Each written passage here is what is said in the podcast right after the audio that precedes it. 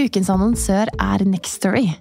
En abonnementstjeneste for lydbøker, der du får tilgang til ikke uendelig, men svært mange lydbøker på nett. Å ja. Et helt univers, rett og slett. For meg har det passet perfekt nå i vinterferien. For da har jeg hatt ekstra tid eh, til å gå lange turer og lytte til bøker. Og så har jo vi en date i kveld, eh, Ingvild. Eh, vi skal på teater og se Anna Karenina. Så da bestemte jeg meg for å bruke Next Story for å lese gjennom den på nytt. Og det er bare helt fantastisk roman fra 1870-tallets Russland som jeg anbefaler alle å utforske, fordi den er like aktuell nå i 2024 som eh, den gang den ble skrevet. Men det er jo så fint, da, ikke sant? Og uavhengig av om eh, man har vinterferie eller mer tid til overs, så har man også disse små lommene i hverdagen. Du kan ha boken på øret, og du kan brette tøy, eller du kan sette på en klesvask, en oppvask, whatever å dykke inn i dette universet. Og det er jo det som er så fint. I, eh, I, tillegg, da, når uh, disse små dine kommer med den samme boken for 15. gang, Ingvild, og spør ja. mamma kan du lese denne, så er selvfølgelig det veldig hyggelig, men det kan også være eh, vel så hyggelig å, å få eh, boken servert fra noen andre, så kan man lytte sammen. Eh, vi har hørt mye på Albert Aabergs lydbøkene i Nextory, for det er et univers som både min femåring og min toåring elsker. Ah, det er fantastisk. Man kan finne så mye flotte verdener og opplevelser i gode bøker. Og du som lytter til oss, kan nå få seks uker med fri tilgang til Nextory hvis du går inn på linken nextory.no engler. Så gå inn der, bli med oss eh, og utforske bokuniverset. Og så håper jeg at du har like stor glede av det som vi har.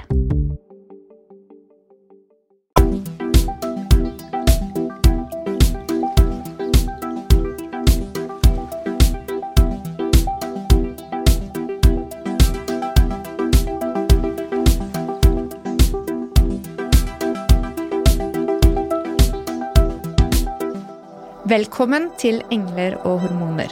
Inspirasjon og ny kunnskap om helse, selvutvikling og livsstil.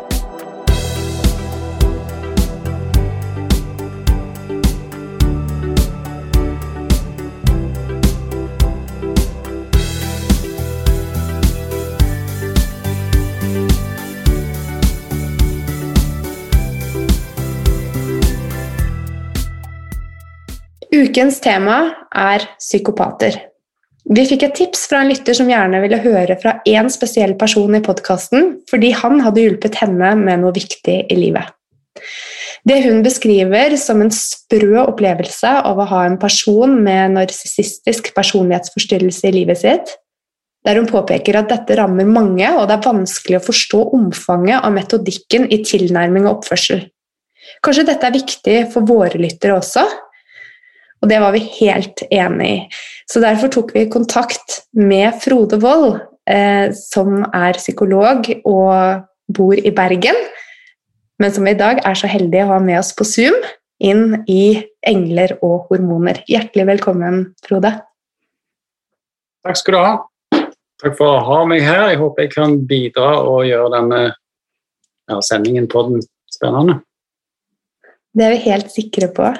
Kanskje aller først at lytterne våre skal få bli litt bedre kjent med deg.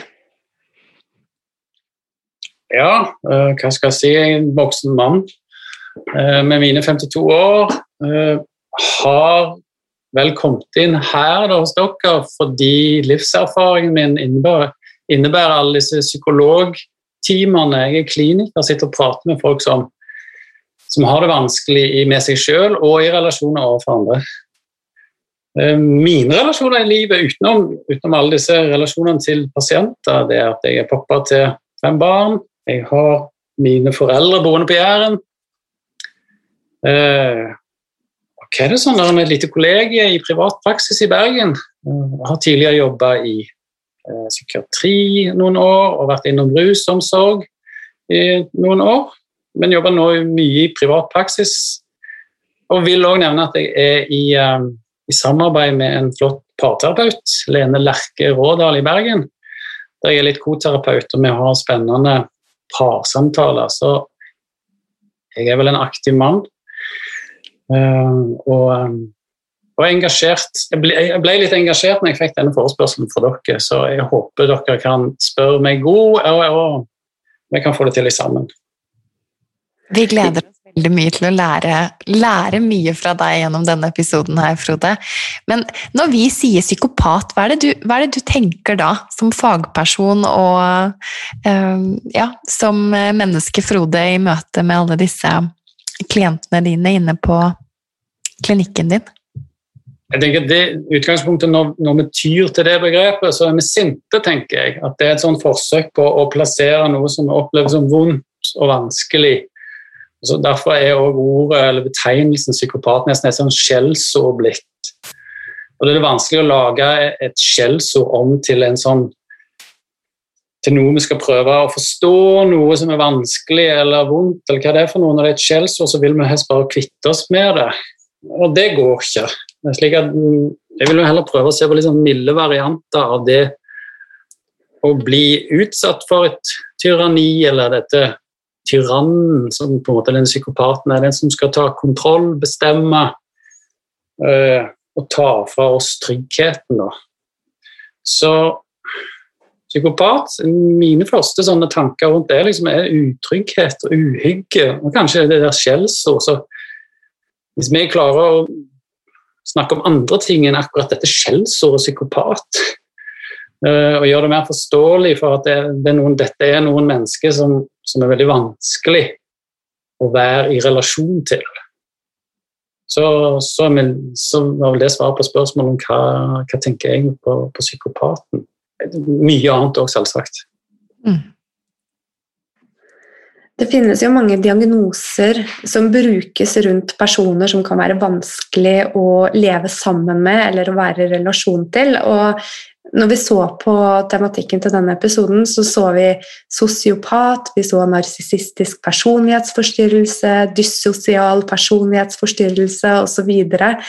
Um, er det også hva skal man si, um, noe som, som for, uh, gjør det vanskelig å, for oss å forstå og bruke riktig ord? er At det finnes så mange ulike måter å beskrive mennesker som man kan ha en vanskelig relasjon til? Ja, det tror jeg. Og da må vi sortere. Da. Så en sånn rask sortering vil være at vi, kan være i krise. og Da blir vi ganske enkle alle sammen og nesten blir kalde og kjølige og egosentriske og impulsive når vi bare må handle som mennesker. Så vi har jo et sånn ufølsomt register i oss, instinktivt register i oss.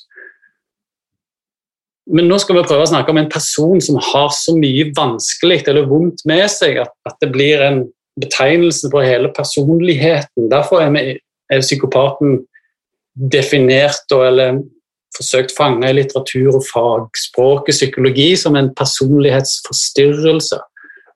Da skal det være liksom vedvarende trekk og noe som ikke knytter bare hendelser eller kriser, men noe som beskriver hvordan denne personen er til vanlig og fungerer. Det sånn, det er et særpreg, sier de da i fag, terminologien. Dette er et særpreg som preger hvordan dette mennesket tenker, hvordan det føler og handler, hva vaner det har, hvordan det forholder seg intimt til andre mennesker. Eh, hvordan, at, hvordan, det er i det offentlige. Eh, slags, jeg tenker å si hva slags håp det bærer på dette mennesket i forhold til andre mennesker. og hvordan det bærer utryggheten, angsten sin, og hvordan det bærer den sorgen som det er å være menneske. At vi, mister jo ting i livet, og vi er usikre på ting i livet. Så psykopaten er i fagterminologien prøver å fange en, noe som er et særpreg, noe som, som, står seg over tid, og som ikke bare fjerner når en krise er over, eller når en da ikke skifter en relasjon.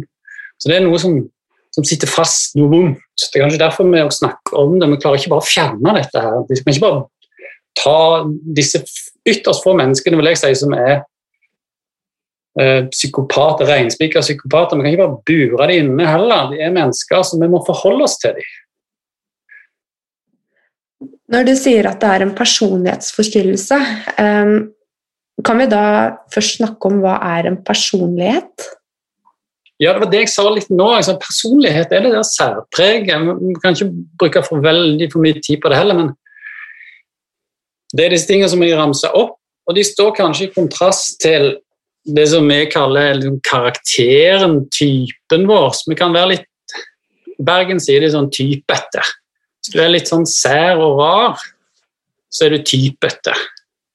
Og så kan vi òg si at ja, han er nå en karakter, sier de òg. Og så skal vi jo prøve men hva er en personlighet. Der er det forskjellige definisjoner. Altså, jeg, tror vi tar den definisjonen som jeg sa nå. Altså, ja, det, det. det skal være et sånn helhetlig særpreg som beskriver hvordan du fungerer over tid. Altså. Så kan vi alle være litt sånn, som jeg sa innledningsvis her, da, at vi kan alle være ganske grusomme i vår enkelhet når vi har, er i en kjempekrise. Det, det, det har mange sånne At det ligger en kraft her òg er spennende. Når vi blir veldig primitive, så får vi tilgang på en enorm kraft som mennesker. Det er kanskje noe av det også som er det skumle med, med disse tyrannene, at de utøver en kraft på oss. De, de, kan være så sterke. De kan ha så mye makt over oss fordi de oppfører seg ganske primitivt. Og jeg tror Der skal vi ende opp litt tenker jeg også, i denne debatten. hvordan hva er liksom de rådene å forholde seg til disse hvis en, hvis en føler seg fanga i forhold til dette? Det er jo da egentlig å lage avstand eller å bli sterk sjøl. Eh, som er de rådene en ender opp til. Og så er det ok, hvordan skal en komme seg vekk eller lage avstand? Og hvordan skal en da bli kraftfull nok sjøl til å kunne representere noe annet enn det en er fanga inni? Jeg vil jo anta, anta, Frode, at inne hos deg, på, inne i ditt rom, så møter du eh, kvinner og, og menn eh, som har levd i relasjoner, eller har en relasjon til en eh, en som har det vanskelig og tøft, eller, og som på en måte har, bærer dette mørket i seg, da, og, sitter, og, det mørket som sitter fast. For du møter kanskje ikke så mange av de rene psykopatene, eller hva vi nå skal kalle dem, inne hos deg. Ja, der, eh, Hvis du leser lærebøker og sånn, så, så, er det et paradoks der. Vi vil jo eh, vi vil jo hjelpe å forstå dette mennesket som har dette òg. Og så er kanskje noe av det som er der, at disse menneskene de, de er annerledes. Og, snak, og, da, begynner vi å snakke om denne empatien som ikke er der. Og skal vi bruke da empati for å forstå noe uempatisk, da vil vi i hvert fall ikke være i dialog. Det vil jo kanskje oppleves som en et angrep fra den. Hvis du kommer med noe du kan, og så sier du til meg du, nå skal vi spille tennis, og du bare kommer med en racket, hva sier jeg da? og Står på andre siden der. Men jeg har ikke noe racket. Jeg opplever dette bare som du vil ikke overkjøre meg med empatien din. Mm. Altså sånn, Kan rett og slett det å forsøke å forstå denne personen og oppleves nettopp som et angrep fordi det er svakheten, eller det er mangelen, eller det er det som er dårlig utvikla. Hvorfor vil ikke disse gå i terapi? Kanskje de føler seg så små at der, de, der blir de overkjørt, det blir en maktkamp. Og det blir det ofte. Og de er helt avhengig ofte av å dominere. Så sier de skal vi da dominere de med vår forståelse, vår empati? sier sånn, Det er vi ikke interessert i. Derfor så ser vi jo ikke Disse søker seg ikke til til behandling. Kan vi da oppfordre de seg til å stille opp på tennisbanen uten racket? Nei, det blir jo litt sært. Mm. Så det, kanskje vi kan snu liksom, praten her litt da, til, de, til, til, den ensomheten og stå der da, med den empatien i, i, for deg sjøl. Skal du da legge den fra deg? Slutte å spille ball fram og tilbake bare bli med på et, sånn, et samliv uten et samspill. Det er vel ofte det som noen av de som kommer til meg, sier, at de gradvis blir mindre og mindre seg sjøl. Beveger seg mindre og mindre og lar seg dominere eller eh, går inn i denne offerrollen. For da er det offerrolle, ikke et ønske om å skulle endre eller hjelpe. For det er jo noe som man kanskje har sett i x antall filmer, at kanskje særlig som kvinne, da, at man har lyst til å gå inn og liksom hjelpe og støtte og endre, og jeg skal være den som får han til å bli et komplett eh, empatisk og godt menneske. Ja, det er jo dessverre veldig vanlig uh, å møte det, i hvert fall de som søker seg hjelp. Uh, noen er kanskje i det i en sånn fase, så finner de ut av at dette, dette forsøker jeg så lenge, og så orker jeg ikke mer. Men noen blir værende i et sånn vedvarende forestilling om dette, at hvis jeg bare klarer å få til dette, så skal det bli bra. Um, terapien kan være litt tøff der. Uh, den sier at det, det, handler om at du har noen av de samme sårbarhetene som denne personen. Du, uh, du er litt ensom, du òg, kanskje. Du er kanskje ikke så vant med å bli sett. Du har kanskje ikke så lett for å stille krav og be om hjelp fra andre. Du er vant med å klare deg sjøl. Du har på en måte en sånn falsk egenrådighet eller en sånn utrygg egenrådighet med deg som, som menneske. Du som litt lik noen av de sårbarhetene eller de svake sidene med, med den som har um, psykopati i seg. Så det er slik at en da er litt blind på sine egne sår, sårbarheter. Da. Så det er den tøffe meldingen til den som tror den skal fikse psykopaten. Du prøver bare å fikse noe som du har felles med denne, derfor blir du værende. Kanskje du kan få hjelp til dine sår et annet sted, eller din sårbarhet. Og Så kan du begynne å sortere mellom hva er ditt, og hva er denne personen sitt. Så det å prøve å og Nå, for, nå blir jeg litt sånn akademiker òg, hører jeg da sånn det um, vi, vi, kan, vi kan aldri hjelpe folk til å gå med mindre vi står ved siden av dem. Så det å da prøve å stille seg ved siden av denne personen og gå i lag, det, det er dette vi kan ikke. Og det, hvordan skal du gjøre det med, med, med, en som er veldig uempatisk, og som på en måte er impulsiv, og som trenger å dominere? Det, hvor skal du plassere deg? Du blir fort hjelpeløs og litt sånn rådvill som partner, eller sånn at du ja, du blir medgjørlig. Du, du, vil jo på en måte Du har lyst å gå ved siden av, da. Hva skjer da? Blir du lik denne, da? Begynner du å trekke deg tilbake? Hva skjer med deg som partner? Så Frode, da sier du at man lever med en psykopat, så blir man kanskje litt kald og avstumpet selv? Ja, det, man blir jo det overfor egne behov. Sant?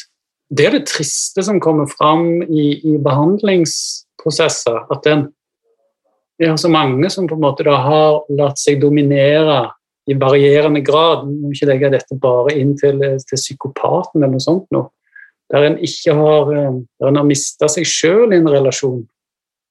Og Da har han jo blitt kald overfor seg sjøl.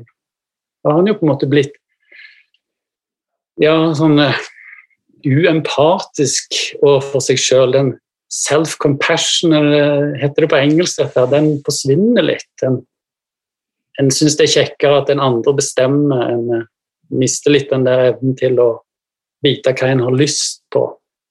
En, en får en eller annen sånn form for depressiv posisjon, da. En blir, en blir litt grå, en sovner litt hen. Leken og nysgjerrigheten og dette forsvinner. En blir litt mer fanga i rutine og tryggheten av å bare gå i rutine. Så har en en sånn hemmelig ønske nesten om å få lov til å, å leve og ytre egne meninger. Så, så, ja, det er jo en sånn egenkulde som kommer. Vi kan jo oppleve de, de som da på en måte ikke ber om noe eller ikke gir initiativ til noe, at de òg er litt sånn kalde og avvisende når vi møter de til å begynne med. Men der ligger det jo en annen historie bak. På samme måte som en kan finne de som, som på en måte har fått psykopatien som en skade eller som en følge av en oppvekst som har vært preget av et veldig sånn, et, sånn fattig eh, miljø eller et krisemiljø eller hva det skal være, der det har vært lite rom for liv. Det har vært veldig strengt. Men disse klientene som du da møter, Frode, jeg blir nysgjerrig fordi eh, det høres jo ut som man svinner hen, og at man mister litt av seg selv, og at man eh, ja, rett og slett blir annerledes, så vil ikke da omgivelsene ellers kanskje reagere og komme med tilbakemelding til personen om at ting kanskje ikke ser så bra ut, eller at man får spørsmål fra omverdenen om hva det er som skjer? Det tror jeg det er mange som på en måte da bekymra venninne eller søsken eller foreldre som ser barnet sitt på en måte bli en litt sånn skygge av seg sjøl i en relasjon. Men der er vi jo vi, er av unnskyldninger for hverandre, der er vi ikke det, da, og for oss sjøl. Spesielt da hvis du er i den posisjonen at du skal, du, du skal hjelpe denne personen. Det er det første eksempelet her. Sant? Den personen som er, bare går og venter på at uh, jeg skal bli den helten som klarer å hjelpe denne. Jeg skal fikse han her. Mm. Jo, da blir jeg nesten idealist. Så skal du komme og si liksom sånn ja, men Det der idealistiske prosjektet ditt, det må du bare slutte med. Da blir du, da blir du ganske sånn Da kommer du ikke gjennom. Mm.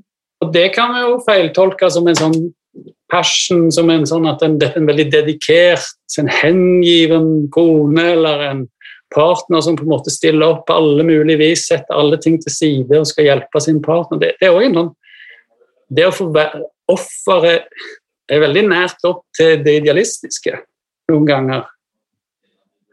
Mm. Og det å bryte gjennom den der offerviljen, det idealet om å den største gleden en kan ha, er å gjøre andre glad. Sånn. Den kan, den, jeg husker det, det, det er faktisk min mor sitt, sitt livsordspråk. Jeg håper det, det, det er ikke denne varianten av den. Men vi kan jo på en måte sette oss sjøl til side, og vi gjør det. Vi gjør det som foreldre, vi gjør det som i yrkesutøvelsen vår og hele tiden. Men å gjøre det i et samliv der du er på en måte likeverdige partner, da gjør en det periodevis. Når partner er syk, og partner stresser eller har en kjempeutfordring, så backer vi opp, så stiller vi der. Men hvis det er en sånn, et særpreg som en må tilpasse seg er vi. Når du må tilpasse hele personligheten din, sant? når det som vi snakket om, at du må bli lik, mm. da blir det trist. Men uh, da er det jo lett å finne unnskyldninger i og med at dette ligger så nært opp til ide eh, idealet av å være en hengiven partner.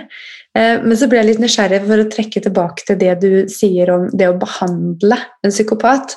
Fordi hvordan vil det da dynamikken i partnerskapet være hvis partner går inn og skulle redde og skulle være den som eh, skaper en endring når når man da er sammen med en person med dette mørket og Det er jo helt fantastisk. sant? Det er jo det, du, det den vil ha. En person som fullstendig setter seg sjøl til side og bare er med for at den andre skal få det bra.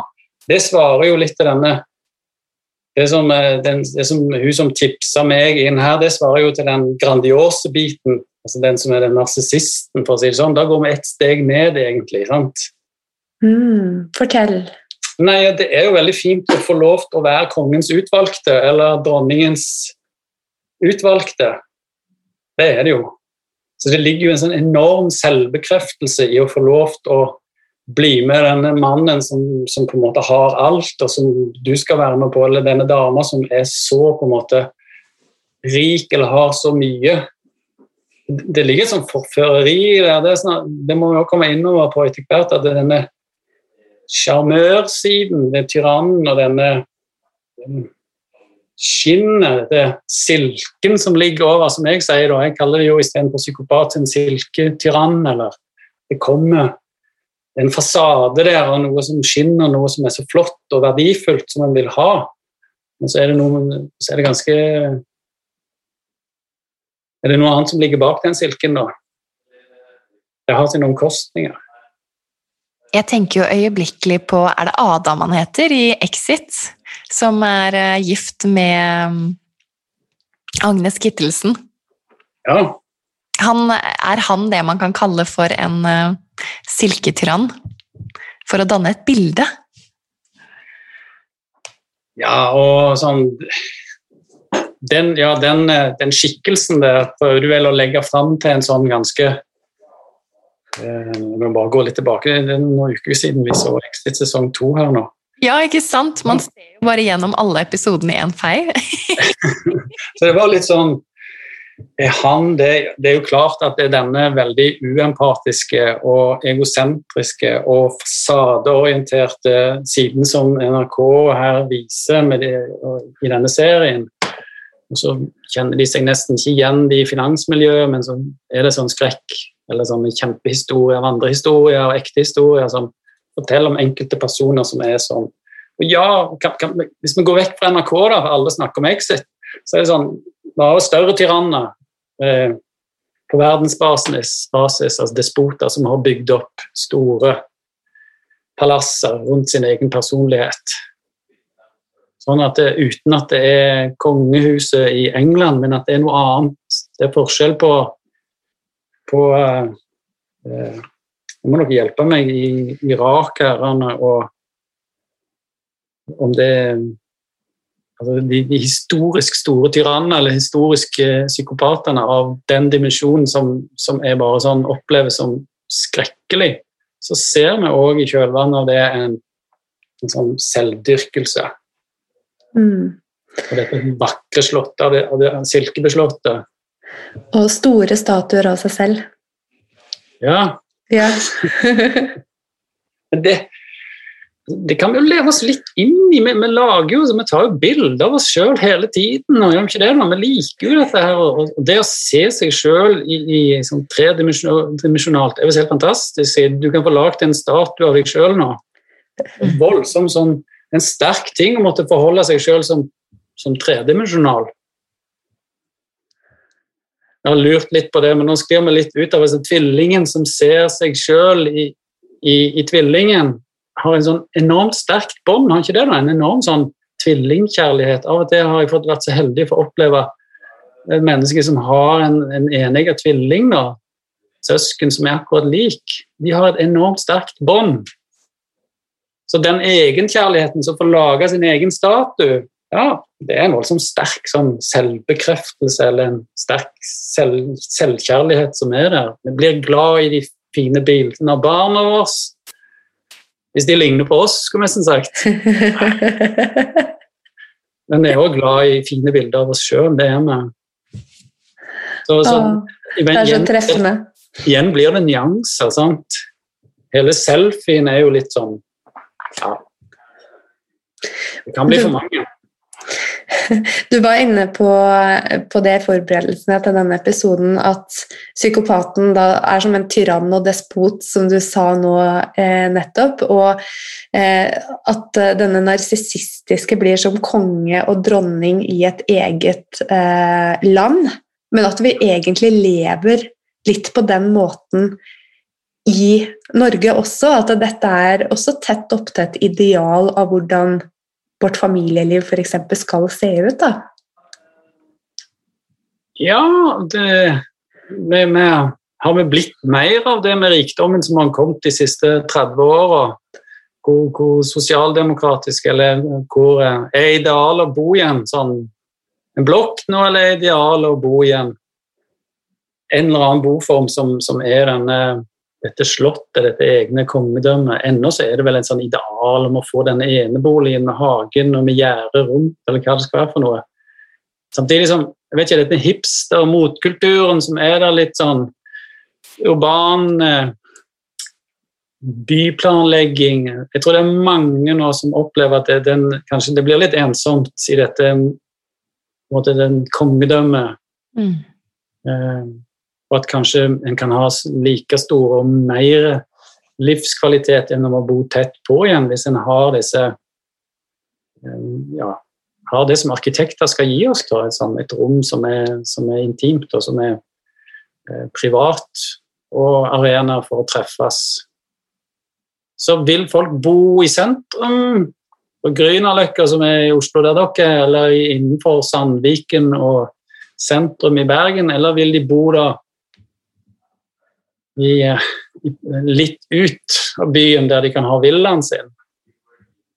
Men det, at man sklir meg litt ut her, syns jeg òg. Sånn, man snakker om det som er vondt og, og, grusomt, og så plutselig sier man at det er grusomt å få, få sin egen hage. Det, det, det, Jeg syns det er litt spennende hvordan du trekker paralleller til eh, hva som er normal, normalt, og idealene våre, og hva som vi syns er vanskelig. Fordi vi kan jo stille spørsmålet Vi var jo interessert i å lære mer om psykopaten, men vi bør kanskje egentlig se mer på oss selv?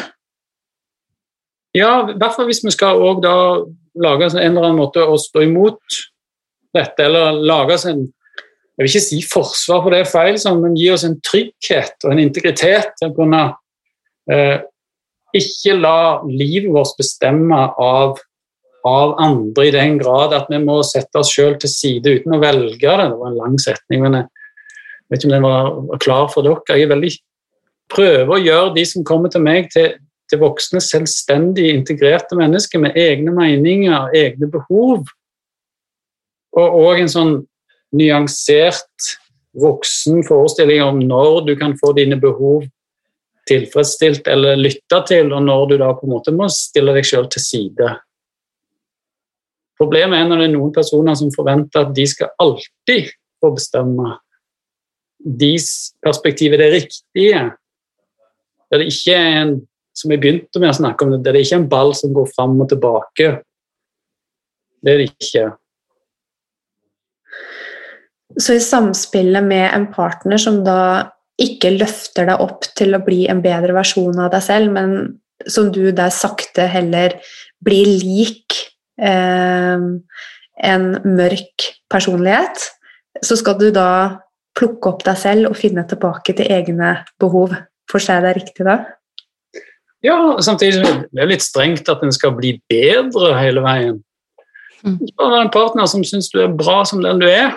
Og så på en måte skal vi sammen formes litt av de tingene. Men, vi skal spille hverandre gode, og vi skal vokse og bli eldre.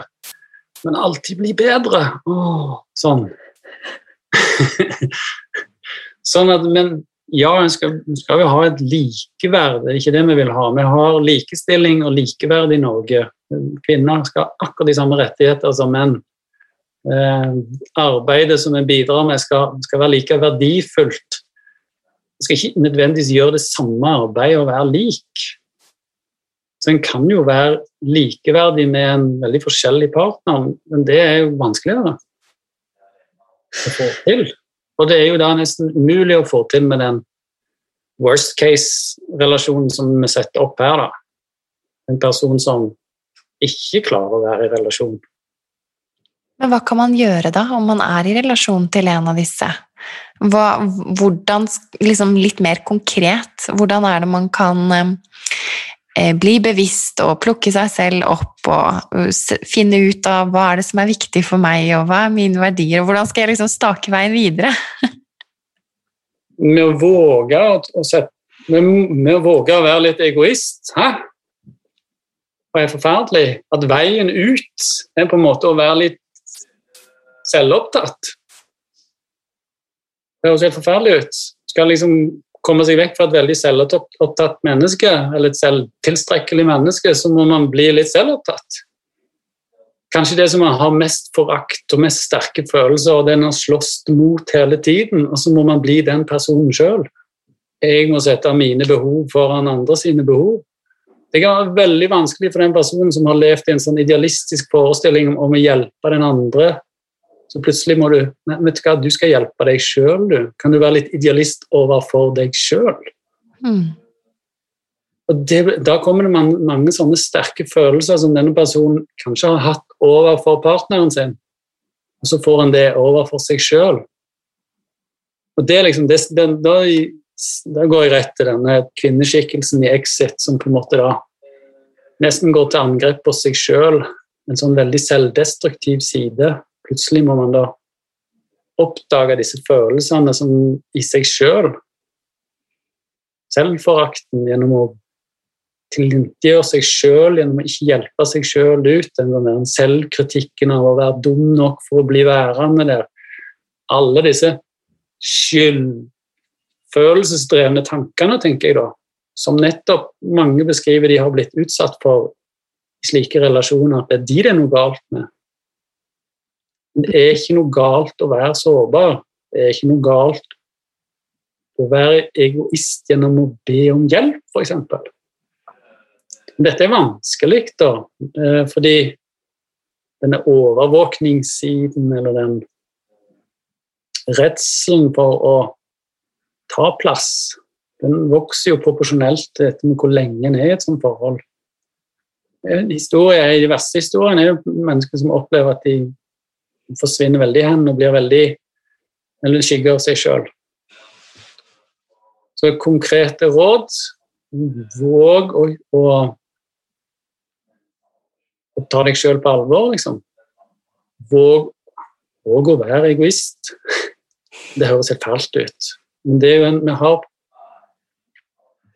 vi har sunn egoisme og usunn egoisme. Vi har på en måte sunn narsissisme òg. Narsissisme og psykopat og tyrann og alle disse fæle ordene. Men vi har sunn narsissisme. Det er sunt å være stolt over seg sjøl. En fireåring er så stolt og skal få lov til å være så stolt over sin tegning, som er verdens fineste elefant. Det, for oss andre er det vanskelig å se at det er en elefant, og sånt, men den egen stoltheten der, den, den skal vi jo ikke ta fra noen. Vi er jo òg det der den lille verdensmesteren, den lille professoren fra oppveksten vår Vi skal være mor og fars beste barn, beste venn, eller Vi skal, vi skal få høre det. Mm. Så det å være en god venn overfor seg sjøl, det å være sin egen på en måte sånn foretrykkende barn, eller gi seg sjøl omsorg, ha self-compassion, det er liksom sånne ting en kan oppsøke, som sånn egenomsorg, gjennom å være opptatt av hva trenger jeg. Opplever du at det er det som er det aller vanskeligste? Ja, kanskje for de som sitter veldig fast, som er i denne motsatte Det som jeg kalte en sånn idealisme, da. Mm. bytte ut idealismen sin til det, til det som har satt alle sine krefter på å av lære hos partner skal en plutselig praktisere overfor seg sjøl. Nå skal det handle om meg. Ser vi ikke dette? Dette ser vi jo i, i par, når parforhold ryker. En, en, sånn mindre variant av det. Mm. Det høres ut som at man kan ha en um, Absolutt ha god bruk for å ha en del støtte, gjerne gjennom uh, en sånn som deg. Ja, jeg liker jo ikke å gjøre folk avhengig av terapeut eller av meg sjøl, for den saks skyld, men både støtte og korreksjon. Sant? Vi har en sånn toleranse for, for nyskilte eller ny, folk som kommer ut av forhold og de får lov til liksom å rase fra seg, eller hva de skal gjøre. Vi får, har ikke normale forventninger til det. De må få lov til å ja, finne seg sjøl gjennom å, å være litt for mye. Så det er begge deler. En god venn er vel en venn som på en måte gir beskjed når en ser den har det vanskelig, og som også gir beskjed men nå har du snakket nok. men eh, i denne fasen her, da, Frode, er det, er det vanlig da at man, at man, går fra hverandre hvis man er i et forhold, eller har du da også erfaring med at man gjør denne endringen mens man fortsatt er i dette kan vi kalle det destruktive forholdet. Og hvis man da er i forholdet når man begynner å gjøre disse endringene, hvordan reagerer da partner på dette? nå må vi lage noen sånn trappetrinn her. Mm -hmm. Jeg tror Når vi er i det som vi kaller sånn personlighetsregister, når det er særpreget, når vi snakker om den ekte psykopaten, og sånt, så er det ofte behov for da trenger vi hjelp. Ofte trenger de hjelp av å stikke av. Sant? Um, da bor en på hemmelig adresse. Dere må hjelpe meg, Hva heter disse kvinnesentrene? Der står det Krisesentre? Ja, krisesentre var det jeg lette etter. sant? Mm. Ja, I disse sakene som er de alvorlige, så, så, er det fint at vi har krisesenter. Fordi det kommer en voldsom reaksjon ofte hos den tyrannen som mister liksom kontrollen, og som, som knytter hele sin identitet gjennom å eie sin partner, eie tingene, gjenstandene, alt mulig. Så, så det kommer sterke effekter. Dette er brenn, da er det, det er veldig bra at vi har krisesenter som kan hjelpe. Så det å tro at en kan gå fra i disse sakene her uten hjelp, det, det vil jeg ikke anbefale. Nettopp det å få hjelp. Og så må vi gå inn i de forskjellige variantene av dette. Ja, venner er viktig. Ja, familie er viktig. Ja, det offentlige i form av eh, forskjellige typer terapeuter kan være støtte og trygghet i dette. Andre mennesker vil jeg si er viktig. Det å, å, bli møtt med empati, det å bli forstått, det å få lov til å få rom til å tenke seg, det å skjermes litt ifra nettopp løgneriet, forføreriet, de angeren og liksom dette spillet som kan komme, da. Det er vel det vi ser i disse sakene, at det er litt fram og tilbake. Eh, og at det er forsøk på å gå, og så kommer en tilbake igjen. fordi det som jeg sa tidligere, altså, det er jo òg en sånn bekreftelse å få lov til å være med den som har så mye. Mm. Det blir en, det blir en rus. Det var, eh, eh, sånn, av og til liker jeg å legge paralleller. Sånn.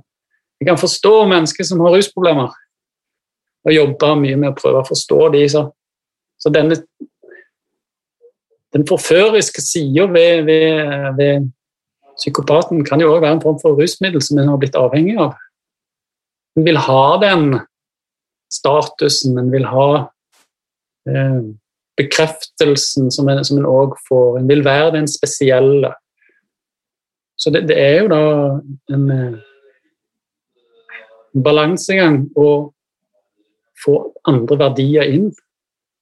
Det er ikke sånn eh, noen hopper bare være med seg sjøl og, og um, gå fra all denne ikke sånn, denne innpakningen. Mm.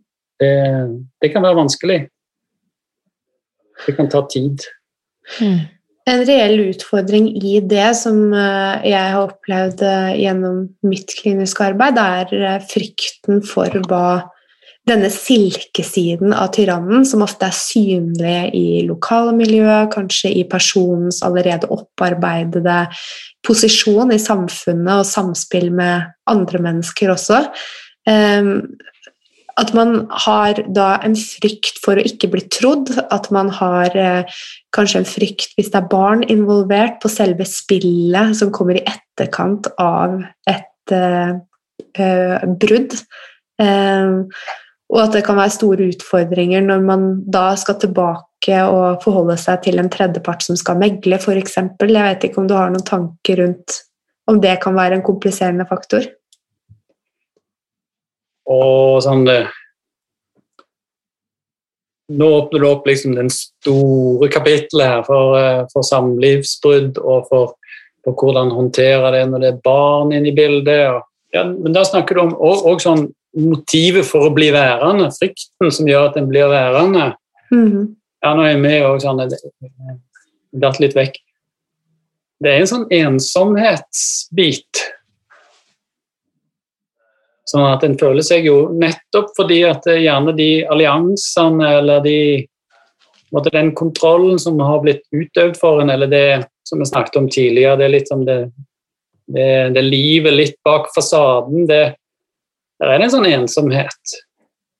ja, den, få, den, den er begrunna, den frykten, på en måte. Selve følelsen. At den plutselig skal en være åpen med noe. Og så er det òg den der hvordan nå igjennom med historien bak fasaden. Det er det du spør om. da, sånn. Vil en bli trodd? Min jobb er å hjelpe folk å tro på sin egen historie til å begynne med. Tro på sine egne følelser. sant? Det vi snakket om, begynner med å gjenvinne liksom selvfølelsen litt sånn der, til å være trygg nok til å kunne gjøre, bare gjøre det. og Der er en god venn, der er en, en, en uh, fortrolig samtale med en forelder, der er en, en, kollega som en åpner seg for, som kan på en måte bare gi en sånn Ofte er det ikke så forferdelig mye vi skal til for å legge den frykten til side, hvis, hvis en bare er åpen for å ta imot. Mm. Frykt er veldig sånn når vi først får frykt i oss, så blir vi jo veldig aversive. Da bare lager vi veldig avstand. Hvis frykten er for å være fortrolig, Mm. så kanskje det du snakker om, er sånn fortrolighetstrygghet først, og så, ja Hva skjer med meg da når, når, eh, når jeg prøver å fortelle en historie om, om det som har vært bak fasaden? Vil jeg bli trodd? Jeg tror jeg må begynne der. Først må en tro på seg sjøl, og så får en ta liksom den fasaden etterpå. Komme vekk ifra den selvtrusselen som frykt gir en. Det er ganske omfattende, dette her, Frode. det er mange som bruker mye krefter i livet sitt på å komme ut av relasjoner der de, som du sier, ikke spiller hverandre bedre eller vokser, eller Mm. opplever seg da på en måte da eh, mindre verdig, eller må blir ikke, ikke bra nok som den den er. Må tilpasse seg for mye. Vi skal tilpasse oss hverandre, men vi skal på en måte ikke gi, gi slipp på jeg, vårt særpreg. Skal vi det, eller vår egenart? Vi skal være trygge nok til å kunne være oss sjøl. Det er vel det som de sier, sånn jeg tillot ikke meg sjøl å være meg sjøl. Jeg bare tilpasser meg og bare tilpasser meg. Hvor lenge er det greit at man skal tilpasse seg da, og spille ehm, den andre parten god? La oss si etter at det har oppstått en krise i livet, eller liksom, Hvor lenge er det normalt, og når er det det begynner å bli unormalt og, og destruktivt? Ja. Det er noe spennende der fra, fra, fra min erfaring er at det kan fungere veldig bra så lenge det bare er to. Det kan fungere veldig bra når det bare er ett barn òg i den familien. Men når det kommer to barn, så blir det en annen dynamikk. Og da kan ikke lenger denne Da kan ikke en lenger speile seg i bare det ene barnet og bare ha mor eller far for seg sjøl. Plutselig må en dele seg opp, en må ha kjærlighet eller oppmerksomhet til to. Så hvor lenge skal en på en måte være være i dette? Det er mye vanskeligere å ha to barn enn ett barn, men da blir på en måte denne den, Da må en klare å, å være i to relasjoner, begge to, når en har to barn. En kan ikke bare være seg sjøl og den perfekte kopien av seg sjøl i det ene barnet. Så hvis vi tar det, da, så kan folk være lenge og, og ha det bra, egentlig. Ikke for en reinspikka eh, de Jeg anbefaler noen å være mer enn en dag overfor en ekte tyrann, for å si det sånn. da. Men vi, tåler ganske mye. Vi holder ut ganske mye, og jeg tror vi skal holde ut ganske mye òg. Som vi sier, noen av oss kan være ganske fæle pga. belastninger som ikke handler om særpreget vårt, eller den vi er, men som handler om omstendigheter. Folk bor i flyktningleirer, folk er på en måte i, i forferdelige konflikter og må fungere veldig sånn instinktivt brutalt. Toppidrettsutøver må være hyperfokusert på seg sjøl og prestasjonene, om det er for lag eller for seg sjøl. Og være veldig opptatt av seg sjøl, få tilrettelagt veldig mye for seg sjøl. Toppolitiker som er der En toppleder trenger et veldig rom for å kunne fungere den, slik at den som velger å være en partner, må tåle ganske mye. Mm. Så her er det mange nyanser, altså. Er du sammen med et veldig begavet menneske som, som, har en eller annen taburett eller en, en posisjon i, i, uh, i, det offentlige liv, så må du tåle ganske mye. Av på en måte sånn manglende bekreftelse eller tid som der en sitter og venter på at det skal bli din tid, eller familiesamspill som på en måte dreier seg om deg og barna. Mange av disse har vel flotte samspill med barna sine og med venner og sånt, men tiden til denne partneren, den, den er ikke der. Så det er, det er jo parterapi som avdekker dette, kanskje. Når en begynner å, slutte å bare være mamma, men vil være kvinne. Når en slutter bare å være pappa og vil være mann overfor partner. Så, en helt egen episode om, kjenner jeg. ja. så, så den du, med spørsmålet ditt åpner jo opp på en måte den selvopptattheten eller den opptattheten som, som rolle krever av oss. Vi må skille mellom rolle, situasjon, personlighet her, da. Ellers så går vi oss ut på viddene, altså. Mm. Ja. Så jeg kan ikke svare på det spørsmålet. Da må vi gå liksom i den enkelte saken. Liksom. Hvordan kjennes det for deg? Mm. Ja. Og det er jo veldig logisk, fordi vi alle er ulike. Eh, eh, den biten som du snakket om nå, eh, som gikk mye på det å gå fra hverandre, det er også å skape avstand. Eh, men eh, kan vi også komme inn på det å vise styrke overfor disse personene? Ja, det så vi jo da ja, Da tar vi et lite steg da, til Exit igjen. Der var det òg en, en, birolle som i sesong to plutselig ble hovedrolle, og som viste styrke, og som gikk inn på arenaen og eh, begynte på en måte da å hevne seg gjennom å ville være like sterk. Mm. Og vi fikk se den andre siden av når den andre denne kvinnen i, i eh, Exit reiser seg og tar litt denne dominansen som skal være der. Som, som, det er bra, er det ikke det? På en måte er det fint med kvinnelige på en måte, aksjemeglere eller spekulanter, eller hva det skal være. da. Og da er Det sånn, det er jo ikke sånn at det er menn som, som har den, at dette, dette, med psykopati eller narsissisme er bare menn. Det er jo det er litt flere menn enn kvinner, så jeg mener iallfall statistikken. Jeg vet ikke om det er ca. dobbelt så mange. 5% av befolkningen kan ha noe av dette eller være full blown. Når det gjelder menn, og skal det 2 eller sånn av kvinner, så vi skal foreløpig ha bare avdekket en skjevhet at dette nå finnes det flere menn av. Jeg vet ikke om bare det er kvinner flinkere å gjemme seg hvis de er fæle. Det tenkte jeg, Frode. så statistikk, ja ja. Men styrke Ja, Altså, jeg, jeg sånn Jeg tenkte sånn Hva er det disse Hva er det de er dårlige på, disse her, da? Du har sagt empati. Ja, ja. Er de gode til å pludre? Er de gode på tyting? Er de gode å være bedagelige? Er de gode å fjase? Altså, det er liksom dette mellomsjiktet. Det å mm. være folkelig, liksom sånn. Alle disse mellomordene som ikke er sånn som ikke er dette skal vinne, være best, aggressiv og skal være sånn, på en måte sånn hard i alt mulig.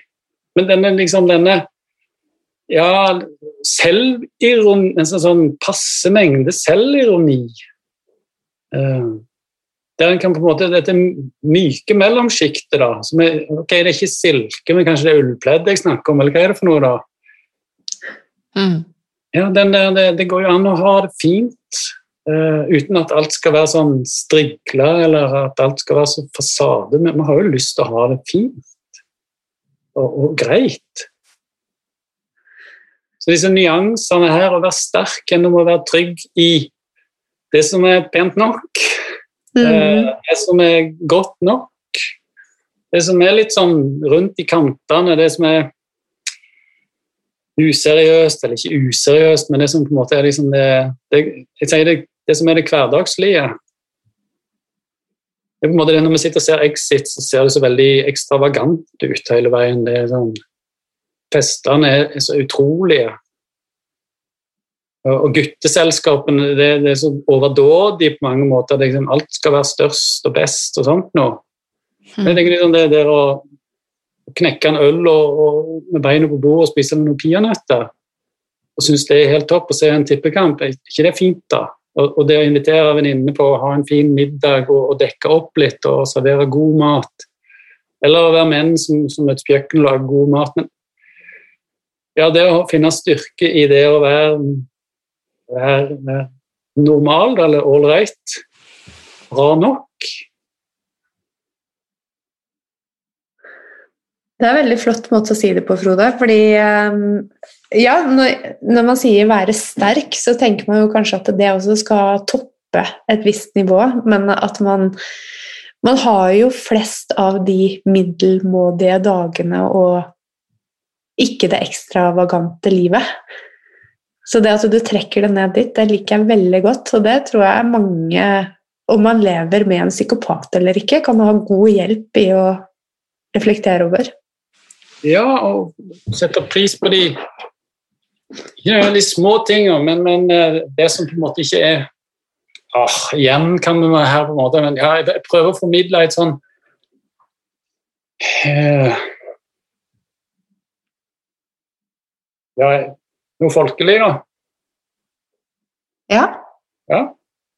Og kan det være sterkt? Ja, men det er jo nettopp sterkt gjennom at den er åpen, da. Mm. Jeg er ikke så redd for, for om det ligger noen bleier på badet når en har småbarn, fordi en hadde det en travel dag.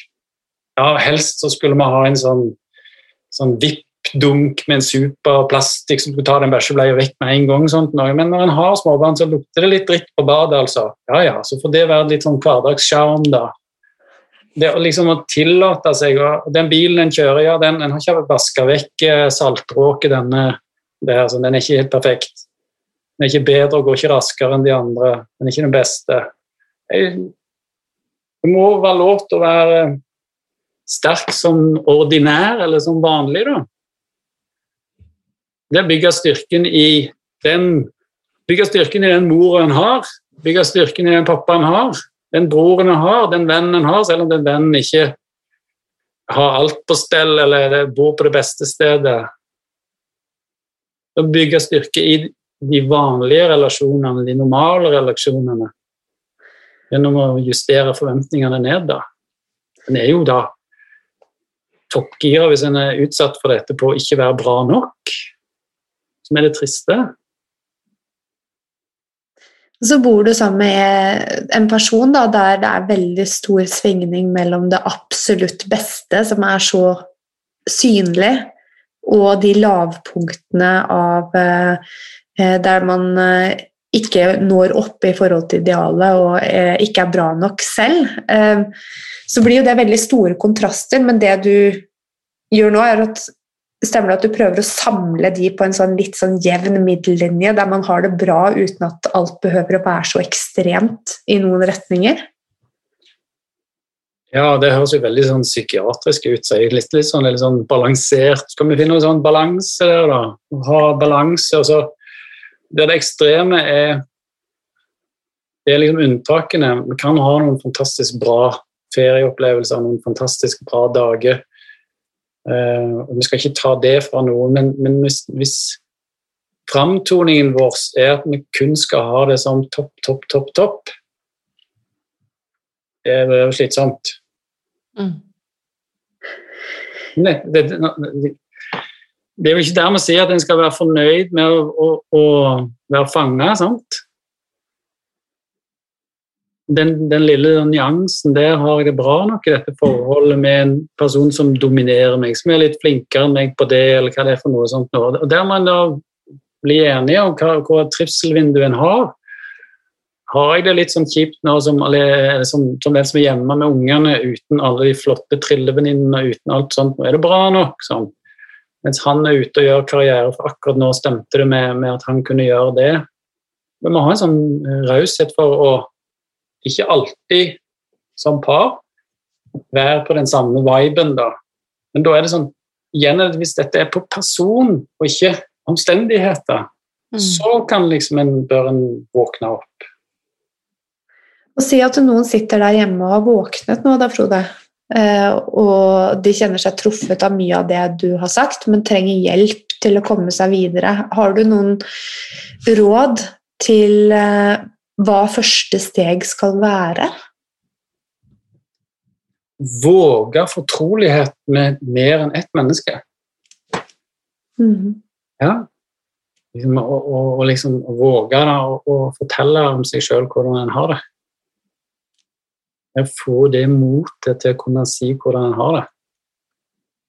Jeg tror ikke en kommer utenom det av å høre seg sjøl fortelle til et annet menneske hvordan en har det det å gå og snakke til oss sjøl, sånn å motivere oss sjøl Det er ikke alltid det fungerer så bra å kjøpe en sånn selvhjelpsbok eller sånn 'Nå skal jeg begynne å trene', bare si til deg sjøl at du skal bli sprek. og Ikke alltid de der selvhjelpsbøkene funker. Men, øh, men nå har vi jo blitt, det er jo lovt nå med å bruke andre, be om hjelp. Hjelp meg, øh, hjelp meg å trene og bli sprek da, som en personlig trener. Hjelp meg å motivere meg. Altså, det, det spørs hvor du er hen. Er det frykten som gjør at du er der? Er det redselen for at det skal bli så karrig etterpå? Den selvfølelsen om at eh, du, du kommer aldri til å komme i relasjon til noen andre. Dette er veldig forskjellig. Og hva en må løfte seg sjøl ut av da, til å våge å se seg sjøl om at en ikke har det bra. Det er lovt å si til noen at 'hei, jeg har det ikke bra'. Hjelp. Bør jeg gjøre noe med det? Sånn. Få en annen person sitt syn på det, da. Mm. Så, så, det er å våge å åpne opp for en relasjon, og det er jo det, kanskje det forbudte som denne tyrannen klarer å få til. da, altså. Her holder vi familie. Familie skal være innenfor familiens dør. Det som skjer her, vi forteller. sånn. Fasaden skal ikke sprekke, det skal ikke lekke ut noe. Jeg skal ikke fortelle at jeg er trist. Jeg skal ikke fortelle at jeg ikke føler meg bra. Å våge å være sårbar, altså våge å være mislykka, kanskje. Ja. ja. Og så finnes det jo mennesker med taushetsplikt som er der, som man kan starte med. Nå er det jo telefoner og forskjellige måter, sånn at det skal være mulig, hvis en er innenfor den har vært litt i litt hverdagstyranniet, eh, og, og liksom det, men det der ekte tyranniet det skal vi ta på alvor. altså. Det mm. fins krisesenter for kvinner, det og det få krisesenter for menn. Og, og det, det fins noen som vil høre på deg, det er vel det jeg skal prøve å si. da. Mm. Veldig viktig. Sånn helt avslutningsvis, eh, da, Frode, er det noe vi ikke har snakket om i denne episoden som du syns det er viktig å få frem til de som lytter? Ja. Vi har ikke Vi har bare snakket om partnere. Tosomheten. Det er mm. noen som har ei tante som er helt forferdelig. ja. Det er noen som har en historie om en bestefar og oldefar som var skikkelig vanskelig, som på en måte lagde så mye trøbbel. Det er de av oss som har den sjefen, kollegaen, som har dette. Det har vi ikke snakket så mye om. Det trenger ikke nødvendigvis være partner. på en måte de som har dette særpreget som vi har snakket om i dag, de kan, være, de kan du møte på hvor som helst i livet ditt. Og det kan være vanskelig uansett. Og en kan fanges i litt sånn av dårlig samspill på mange forskjellige arenaer. Så det å ha litt kunnskap om det, eller kjenne dine egne reaksjoner når noen vil bestemme over deg, eller vil ha noe fra deg liksom Svaret er det samme, å liksom være litt mer sånn bevisst på dine behov for hva du trenger, og være tydelig. Men det var liksom en kommentar at ja, ikke glem det. Mm.